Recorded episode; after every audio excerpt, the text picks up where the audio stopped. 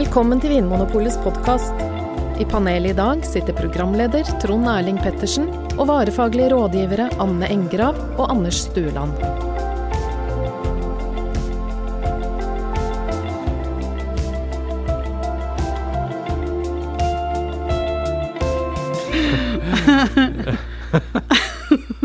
Hallo og hjertelig velkommen til Vinmonopolets podkast, hvor det er veldig godt humør i dag, eh, Anders og Anne. Og det er jo ikke så rart, vi har jo fått så masse lytterspørsmål. Ja. Um, og her sitter jeg med tre lytterspørsmål i hånda om samme tema. Og det er jo et ganske sterkt signal om at nå må vi lage, må vi lage en episode. Nå er det på tide. Ja, det er, Og det handler er om um, en drue som heter Gamay, og et område som heter Beaujolais. Det er alltid gøy når det rimer. Ja. Beaujolais. Første e-post er fra en som heter Roy Skoglund. Han skriver Hei. Kult hvis dere kunne kjørt en episode på alle vinelskeres nye yndling, Beaujolais. Eventuelt Gamay. Roy. Veldig sånn kort og presist. Så er det Sigurd Kjellvik Berg, som er litt mer taletrengt. Han skriver Hei, jeg lurer på om dere kunne snakket litt om Beaujolais. Eh, Beaujolais nevnes ofte som et av verdens mest undervurderte distrikt. Snakk gjerne litt om Gamay også når dere er i gang. Og så er det Håvard Valle Stokke som skriver Kan dere forklare hva Beaujolais Nouveau er? Så da eh, skal vi ut på tur i dag, eh, og kanskje vi skal begynne med det. Hvor skal vi reise hen når vi eh, reiser til Beaujolais? Anders, Det er jo har du vært der? Nei, det har jeg ikke. Anne, har du vært der? Nei. I mine drømmer, kanskje. Ja, kanskje det. Jeg har, ikke vært, jeg har vært helt nord i Rån, Ja. så da har jeg ikke vært så veldig langt unna. Nei. Fordi Beaujolais ligger jo i Frankrike, Um, midt i Frankrike nesten. Mellom Burgund og Rån. Ja. Og regnes jo Beaujolais som en del av Burgund, sånn vinmessig. Ja, Ja. Den ligger helt sør for Burgund, eller rett sør for Burgund. Ja. Som en liten sånn hale. Mm. Ikke så langt unna Dijon, Ja. der hvor de lager denne Dijon-sennepen. Er Ikke sånn øh, lenger nord? Er det? Ja, jeg tror det. Du tenker kanskje mer på Lyon. Som Lyon. Lyon, Ja. Den større byen, den mathovedstaden ja. i Frankrike, som ligger på en måte mellom Burgund Ja, og og, Ron, ja for, Nord-Ron. for det er jo dit det meste av sennepen drar. ja, det var det du tenkte på. Etter at den ikke sant? er ferdig, Det så går, går den, drar den dit Ja. og forsvinner opp i eh, sauser og vinagretter. Men eh, det lages jo først og fremst vin i Beaujolais. eh, og mye av vinen går nok òg til Lyon, til alle restaurantene eh, der. Eh, hva slags vin lager man i Beaujolais, Anne? Eh, De er jo veldig kjent for det- denne her rødvinen sin. Ja, Og eh, lagd på den drue gamet som er nevnt Ja. i, i lyttespørsmålet. Det fins hvit Beaujolais òg, bare for å ha nevnt det. Ja. Man kan bruke samme drue som i Burgund og lage hvit Beaujolais av chardonnay. Ja. Men Det er ikke så vanlig. Hvis du sier Beaujolais, så regner man vel egentlig for en rødvin. Ja, Rosévin, fins det i Beaujolais? Har dere smakt noe rosé Beaujolais noen gang? Nei. Kan ikke huske det, men det er sikkert en rosévin nå. Det er først og fremst rødvin, i hvert fall. Ja. Mm, og, men det kan være litt sånn lyse, lette eh, rødviner som nesten minner om rosé. Eller? Ja, altså Beaujolais har jo på en måte et sånn rykte på seg. Eller det, det er jo kjent for litt sånn ulike stiler. Ja.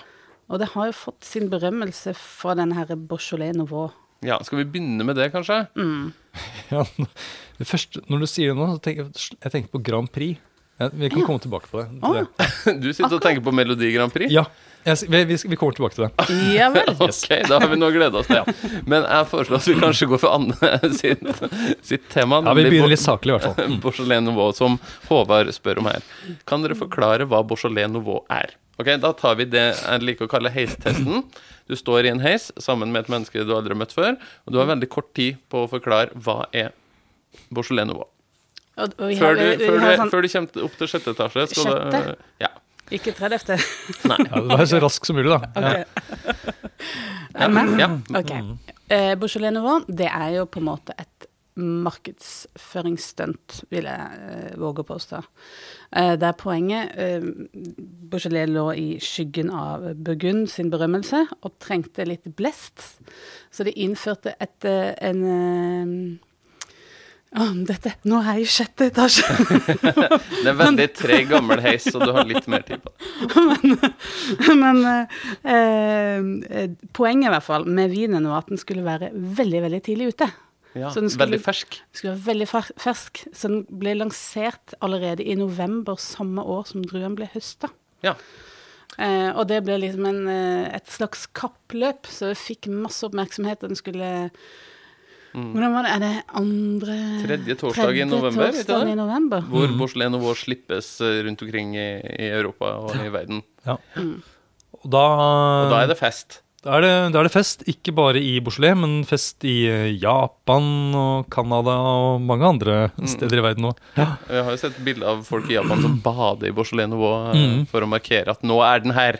ja. Ja. Men hvordan smaker en Beaujolais Nouveau da, Anders?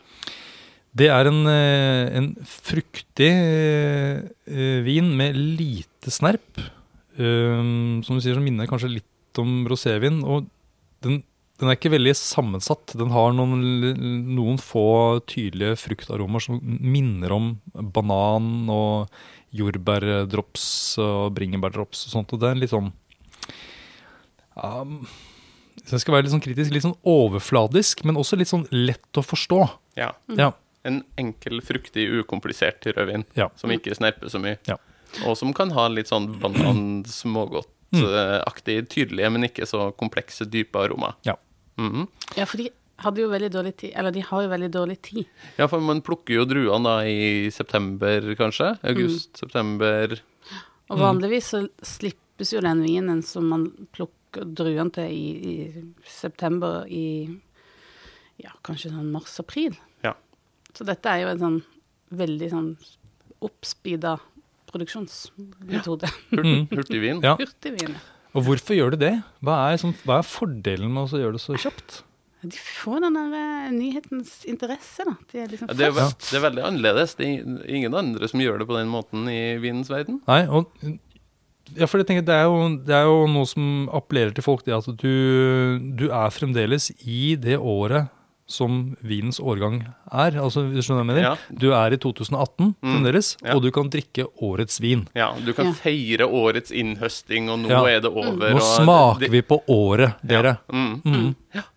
mm, Og det er jo litt, uh, li- litt fint. mm. Og, og, men Beaujolais er vel ikke de eneste som holder på med sånt. Jeg tenker at I Tyskland så har de vel uh... Jo, men tapper de det på flaske? Er det ikke mer sånn de, de tar ut noe av tanken, og så har de sånn federveis Ja, eh, og serverer det på De Kneipe. Med, Ja, med Ja. de Med som Schnitzel, ja. eh, går rundt og byr på sine Ja, og delikatesser. ja, Østerrikerne har vel også noe sånt, men der er det mer på vårparten. liksom På Ja. sånne høyrigger, altså, som også er sånn kneipe. Ja. Sure agurker og Ja. skiver av ost. Men Beaujolais, der, er på en måte, der tappes det på flaske og sendes ut i verden. Og man er på en måte alene om den måten å markedsføre Ja. vinen sin på. da. Det trykkes opp plakater, T-skjorter og masse sånne arrangementer rundt omkring. Med taler og folk fra Ja. ambassaden og Ja, jeg har jo bodd i Paris, og der var jo Beaujolais Nouveau en kjempegreie. Det hang sånne bannere over i gatene, og det var jo fest, Ja, rett og slett. masse halloi. Ja. Masse halloi. Dette begynte da på 80-tallet. Ja. Ja. du det ikke? Det var liksom da det tok av. Og så tror jeg vi på en måte Det har, det har pika, tror jeg vi kan si, Ja. for uh, Beaujolais Nouveaus del. Så har på en måte toppen vært nådd, og vi- det er Det selges og produseres mindre Beaujolais nå enn det gjorde Ja. på sånn uh, 90-tallet, tenker jeg er liksom Og som med alle sånne trender eller uh, happenings, så kommer det jo gjerne en sånn mottrend en motbevegelse. Og det gjorde det jo også i Beaujolais sånn på 90-tallet. var det noen produsenter som begynte å lage mer vin på gamlemåten og jobbe eh, i takt med naturen og vinifere vin på en annen måte, mer som der man brukte mer tid, og andre teknikker som gjorde at vinen smaker mer likt en, eh, en rødvin fra Burgund, for Ja. eksempel, eller Råndalen, eller andre steder. Så det- det er kanskje på en måte den, eh, den delen som eh, Sigurd her nevner når han snakker om et av verdens mest undervurderte vindistrikt. Nettopp. Da snakker han ikke Ja. om den Ja. bananduftende Beaujolais Nouveau, Ja. men om på en måte den nye, nye våren. Og det er her jeg nemlig akkurat dette med Grand Prix. Ja. Jeg jeg tenker at det, Er det lett eh, hvis du er eh, artist, og første gangen du blir kjent, så blir du kjent som en Grand Prix-artist. Ja. Er det mulig å bli tatt seriøst etterpå? Ah, ja. Har, har Eller, en, i- eller Idol, da. Da var det, er det kanskje hun der. Nei, men la oss Nei. Å, nei, Nå, ok. ok. nå må, må dere følge mitt Ja, eh, tankeeksperiment her. Mm. Ja. Stig van Eijk, for eksempel. Han fikk jo aldri den her kjempekarrieren etter at han dansa rundt i Chicago Bulls. Men eh. Anita Skorgan? Ja, men ble hun først kjent i Grand Prix? Ble ah, nei. kanskje det? Kanskje ikke. Hvem Det er andre er det, er det noen som Céline Dion har jo vunnet Ja, er- Grand Prix. mm, Mm. Ja, Hun har jo gjort det relativt bra. For Canada, eller?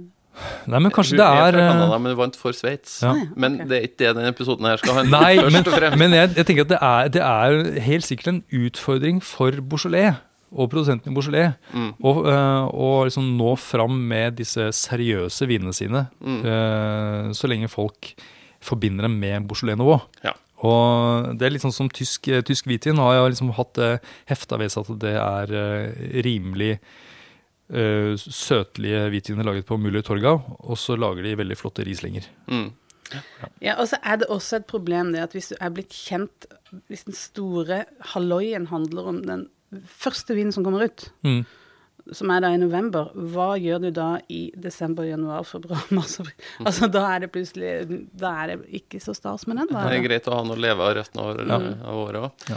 OK. Men- eh, Det er litt sånn kortsiktig tankegang, egentlig, den der eh, Men- første Men de, har, ja, men de har klart det, vil jeg si. Beaujolais har klart det. De har, de har snudd dette her. Og når du sier disse, eh, disse folka som da var en, eh, en motreaksjon, som egentlig eh, allerede holdt på samtidig som Beaujolais-nivå kom, så var det allerede da folk som Altså noen av de første naturvinprodusentene faktisk kom jo fra Beaujolais. mm. Så det, det området huser jo da produsenter som tenker veldig, veldig forskjellig. Mm. Men de bruker altså samme jordsmonn, samme druetyper. Ja. Ja, for det er gamet som er på en måte rule i Beaujolais. Mm. Rødvin lages av gamet. Ja. Men så er det forskjellige teknikker man kan bruke for å lage vinen, Mm. som avgjør om vinen blir på en måte fersk og bananen smågodt duftende, eller om det blir en seriøs og flott og livlig rødvin med naturlig smak av mørkebær og Mm. eh, jordsmonn. Kan dere si litt om det? Hvordan Ja, skal vi være litt sånn nerd... skal vi være litt tekniske? Ja, ja, ja. ja, ja. Mhm. Ja. Etter Grand Prix så må vi liksom det.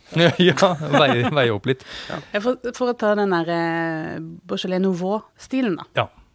Mm. Da er det um, Mange produsenter bruker noe som heter termovinifikasjon. OK. Eh, er der eh, du høster inn druene, og så eh, knuses de, og så varmes alt dette her opp til 70 grader. Og da skjer det noe med disse druene. Du måtte trekke ut mye mer farge og en del eh, stoff av druene, men veldig, veldig raskt. Ja, for du har på en måte ikke tid til å la druene ligge og trekke i druesafta og trekke ut farge og sånn, for Nei. du skal jo slippe vin på markedet innen noen få måneder. Ja, Du har dårlig tid, så du får ut mye farge og relativt lite snerp. da. Og Det ønsker produsenten. De vil ha en vin uten så mye snerp. Og Så kjører de ned, og så bruker de da en, en eh, sånn fabrikkgjærtype som de kjøper fra laboratorier. Som da jobber veldig effektivt, og som de også vet gir en sånn spesiell type fruktighet. Som gir dette der banan tyggegummipreget. Den heter eh, 71B, heter denne, dette, denne jern da.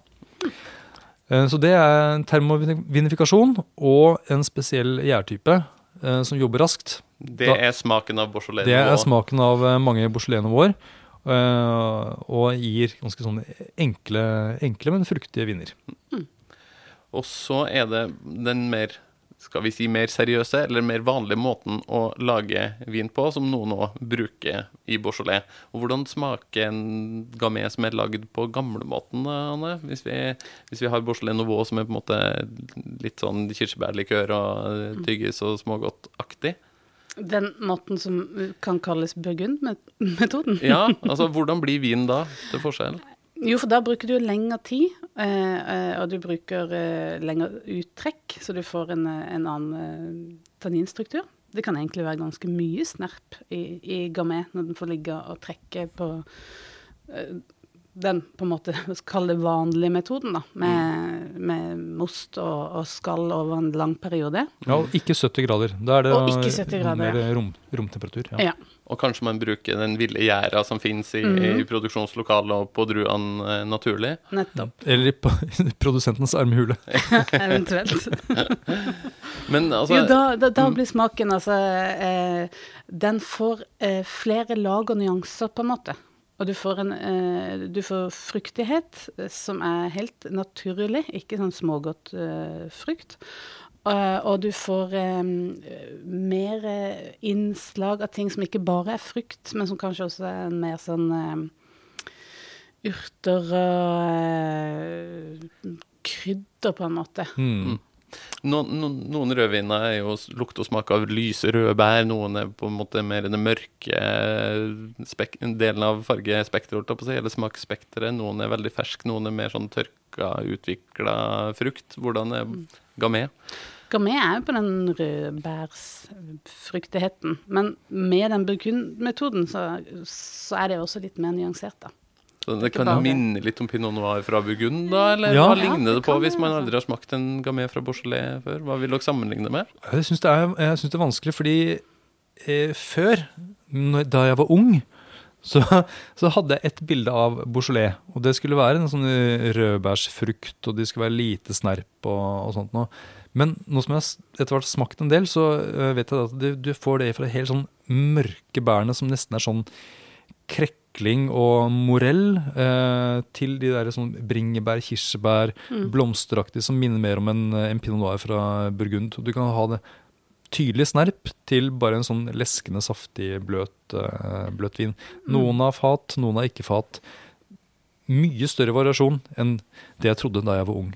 Nå, du, nå som du er blitt stor, vet Nei, du det. ja, Og da du var ung, Anders, så trodde jo du ikke noe på det konseptet som kalles terroir, at uh, vinen tar uh, smak av hvor den har vokst hen.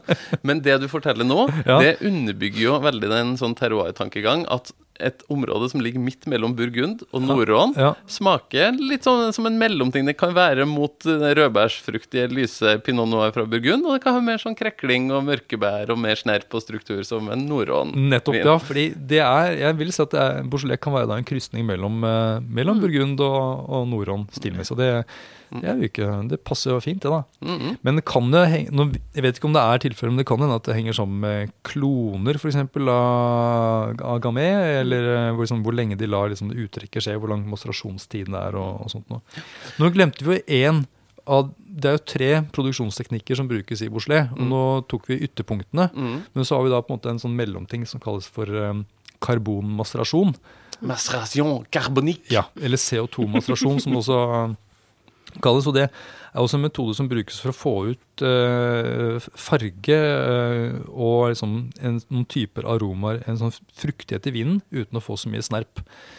Enkelt fortalt så er det de gjør i Bouchelet, er at de eh, høster druene, en, putter opp et stort fat, eller en, en, en dunk eller noe av stål eller hva som helst. Og så, det som skjer med de druene som er nederst, er at de knuses jo av vekten av de over. Og da begynner gjæringen.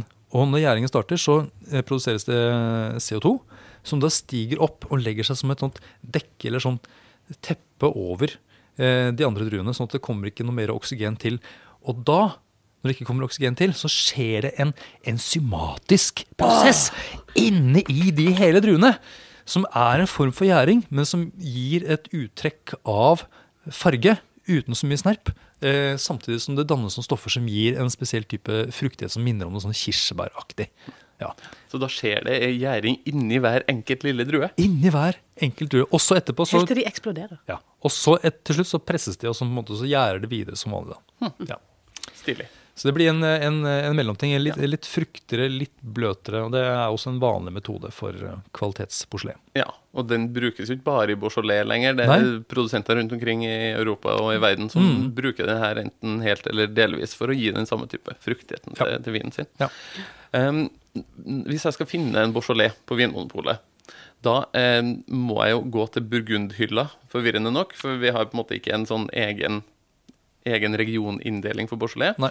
Og som om ikke det var komplisert nok, så kan det jo på etiketten stå enten Beaujolais, Mm. det kan stå Beaujolais Village, eller det kan stå noen andre landsbynavn. Kan dere prøve å rydde opp litt i det her? Hva betyr de ulike um, navnene som kan stå på etiketten når du skal kjøpe en Beaujolais. Ja, dette er jo La oss, På- la oss begynne med der det står bare Beaujolais. Det er jo typisk fransk, vil jeg si. Ja. La oss begynne der det står bare Beaujolais på etiketten. da. Hva betyr det? Ja. Hvor kommer vinen fra da? Jeg kommer fra Beaujolais, da. Ja. Det er Hallo. greit. da. Så det er greit. Ja, det er et litt større Liksom hele området Beaujolais. Mm. Innenfor disse hva Kan vi kalle det region? Fylke? Store. Ja, Ja, stor, storområde. ja. Ja. for det er vel ikke et eh, sånt Vi kaller det vinområdet, vi, eh, tror jeg. Ja. Ja. Hele vinområdet Beaujolais. Ja, for det er jo innenfor regionen Burgund, men også Beaujolais. Og så kan det stå Beaujolais Village. Hva betyr det? Det er det landsby Village betyr jo landsby, så er det landsby Beaujolais. Ja. Da er det da noen, eh, noen litt finere områder da, innenfor denne store Beaujolaisen, som da er eh, sånne, har en sånn village-kategori. ja, Så hvis vinen kommer fra en av de landsbyene, så kan man skrive det på etiketten. Beaujolais Village. Ja. Og hvis du da du kan blande druer fra forskjellige villager og fremdeles tappe det da som en Beaujolais Village. Og de har fått, ja, de har fått eh, liksom stempelet fordi de regnes som ekstra gode vokseforhold. da. Ja. Ja. Og det er her også hvit porselé for eksempel, eh, kan selges som eh, Beaujolais eller porselé Village. Men så er det noe som kalles Beaujolais Cru. Ja. Hva er det for noe? Det er top of the pops. Mm. Det er liksom det, det beste fra Beaujolais, og det er, liksom de, det er spesielt eh, den- nordlige halvdelen av Beaujolais. Så ligger det da på rekke og rad ti sånne underområder som da har fått en sånn spesiell status. og De kalles da crew. Og da kan produsentene merke bare den navnet på crewen Ja. på etiketten. Det bør ikke stå Beaujolais. Så det kan f.eks. stå Morgon, som er en sånn, et sånt crew, da. Ja. Morgon eller Chenas. Mm. Julienas. Ja. Broyi og Cotte Broyi. eh, Moulin Avin. vin. Ja. Vindmølle. Ja, Ja. den er fin. Et, Ja. Også. Fleury er veldig fint. ja, det er et fint nydelig navn, da. Mm. San Amour, det er også fint. Mm. Ja. Og så er det et sted som heter Cotte Py. Ja, Ja. som er en Som- vinmark, på en måte. Ja, bare for å komplisere det. enda, Sånn er- under der igjen. Som er er inni Morgot. ja. Men Ja. den har ikke fått en egen De, har- de har jo ikke Premier Cry. Eh, de har Kry, men de har ikke liksom som i Som i Burgunder, Burgunder, Chablis osv. Nei. Så har de et hierarki innenfor Kryene, men det har de ikke ennå. Nei. Det kan være skje nå. De jobber med saken. De har en, sånn, eh, en søknad inne hos eh, vinmyndighetene. Mm. Sikkert masse papirarbeid. Eh, I et eh, blad jeg leste en gang, et sånt eh, engelsk litt kult vinblad som heter Noble Rot. Der husker jeg det, eh, det var en artikkel om Beaujolais og Gamay. Og så skulle de beskrive forskjellen på Pinot Noir og Gamay. Eh, og da sto det Pinot wants to be loved. Gamay just wants to fuck. Så- Det var veldig Det var veldig rett på. Og det jeg tror de mener, er at på en måte pinot noir er litt sånn krevende, og det må kanskje lagres, og det, det er på en måte en, en vin som du legger litt mer i av tanker, følelser og dybde og sånn. Mens Ja. Gamay og Beaujolais da, er litt mer sånn du bare åpner ei flaske og drikker den med noe digg mat, uten Ja. å tenke så mye over det. Det er litt mer en rett sånn på one, sak. Rett på sak. Mer en, tilgjengelig, som vi sier på polet. ja, en one night stand, mer enn et langt, dypt eh, forhold. Eh, Er det noe i det? Er, er Gamay en mer sånn tilgjengelig vin? En vin man treng, ikke trenger å tenke så mye over? Jeg er ikke så enig i det. Ikke egentlig. Nei. Ikke de beste. Eh, fordi, ja, som vi allerede har vært inne på, det fins så mange forskjellige eh, kvalitetsnivåer og stiler i Bouchelet, og vi har antageligvis ikke sett helt spennet som er mulig ennå. Fordi det er klart, hvor, hvor mye eh, tid og krefter produsentene bruker på en vin, avhenger litt av hva slags pris de får også. Og i Burgund så får du jo 1000-2000 kroner for eh, en flaske. Eh, og da kan du ja, kan du sortere med, du kan eh, ha liksom de aller beste fatene og slik. Og det kan være at det La oss si det opprettes da Premier Crew da, for Cotte By i Morgon. Så vil jo produsentene antakeligvis få høyere pris, og kanskje også markedet forventer at stilen blir litt annerledes. At du får, du får eh, høyere konsentrasjon, det skal være litt mer fatpreg. Jeg, jeg vet ikke, nå spekulerer jeg bare. Men eh, jeg tror at Den sam- beste Beaujolaisen den er ikke laget ennå. Nei. Men at det allerede lages god Beaujolais som er både sammensatt, og noen minner om uh, burgunder og andre som nesten syraktig. Mm. Så jeg, ja, jeg, Jeg syns det er litt flåsete å si at, eh, at det er litt sånn Ja, det synes jeg, eh, synes jeg er litt enkel, krenkende, Ja, litt krenkende. Mm. Men så skriver jo Sigurd her at Beaujolais nevnes ofte som et av verdens mest undervurderte vindistrikt. Ja. Eh, Og Roy skriver òg Ja. 'alle vinelskeres nye yndling', Beaujolais. Ja. ja, jeg er mer enig i det. Ja, og Hva er det med Beaujolais og Gamay som er, gjør at den får så mye oppmerksomhet, som gjør at så mange er opptatt av akkurat den vinstilen her, da? Det er kanskje det der uforløste potensialet. Altså, du begynner å ane konturene av en sånn ny klassiker. Det ligger jo midt inni liksom de mest berømte vinregionene i verden. Burgund og, Rhône. Eh, Menn har hatt et litt dårlig rykte i mange år. liksom litt nede med brukket rygg, og så, og så begynner det å piple opp masse flinke folk som har eh, liksom de riktige Altså, de gjør alt riktig på en måte for å lage kvalitetsvin, så her er det jo bare Men det er jo en god historie. Men hvis jeg som kunde på en måte skal kjøpe ei flaske vin og kose meg med, hva er det jeg får av ei flaske Gamay fra Beaujolais som jeg ikke får andre steder? Eller Hmm. hva er det det på en måte Ja. gir Ja, hvis Hva er det gir og ikke gir, da? ja, sånn, Sånn rent smaksmessig? Det første jeg sitter og tenker på, er vel egentlig at hvis du betaler 200-300 kroner for en vin, altså sånn at du allerede ligger da i som et tetsjikte i et område, så får du gjerne viner som har voldsomt mye fatpreg i mange andre områder. Og, det skjer ikke i Beaujolais. Mm. Det er, det er, det er god vinmaking, eh, god sortering og alt sånt noe, men de har jo ikke dette sløret av fat som regel, som kanskje gjør at du får du får mer eh, tak i frukt og eh, urter og alle disse andre tingene. Mer tilgjengelig på den måten. Ja. Og kanskje det er det som appellerer litt til folk også. At det er At det er ordentlig gode viner, Ja. men som er ung og fersk og frisk og fruktig. nettopp Mm. du på en måte, De er av, av, avkledd, på en måte. Ja. Nå tror jeg vi er inne på det Nobelbrot-sporet. Ja. Eh, altså, men det er jo, og, og hvorfor vinmiljøet er så, eh, blitt så glad i Bouchelet nå, det er, det, er noe, det er kult å være med når toget drar fra perrongen, liksom. Ja. Når du, du har oppdaget Dette er den første plata til det kule bandet.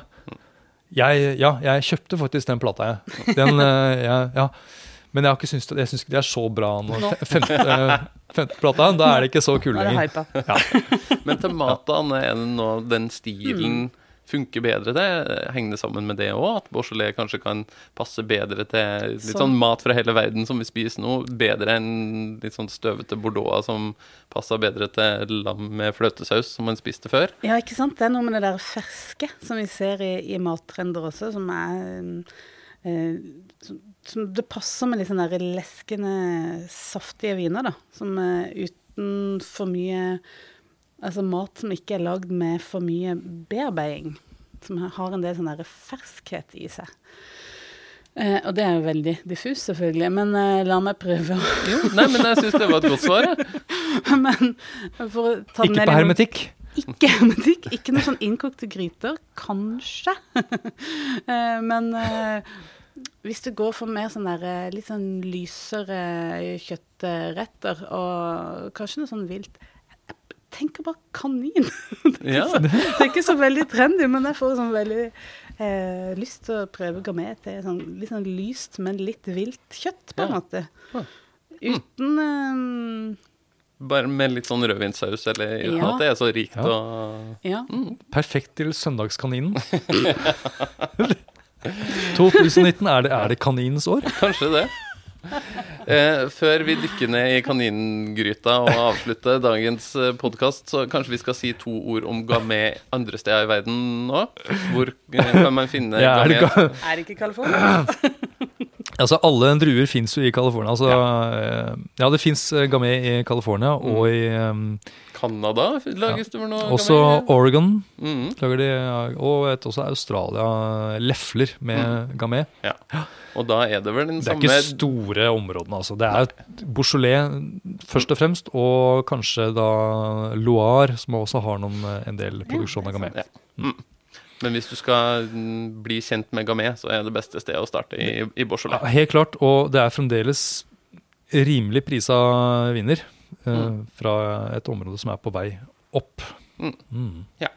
Og tredje torsdag i november så kan du prøve Beaujolais Nouveau hvis du er interessert i å sjekke ut den stilen som vi i dag har lært eh, kjennetegna av eh, termovinifikasjon og en gjærstamme som heter 71B. Ja. Ja. Det er som et tysk uh, datarockband. oh, åpne ei flaske Gamé og sette på litt uh, gammel 71B. 71B. Eh, tusen takk for uh, denne lille reisen, Anne Anders. Vi kom innom ting i dag også som jeg ikke ante at vi skulle snakke om. Til deg som hører på, gjør som eh, våre Beaujolais-elskende venner og send en e-post til oss. Og eh, still spørsmål, ønsk deg et tema som vi skal snakke om i podkasten. Og så ses vi, høres vi snart igjen. Ha det bra. Takk for at du hører på Vinmonopolets podkast. Har du forslag til et tema i podkasten? Send mail til podkast at vinmonopolet.no. I tillegg svarer kundesenteret deg på e-post, chat og telefon.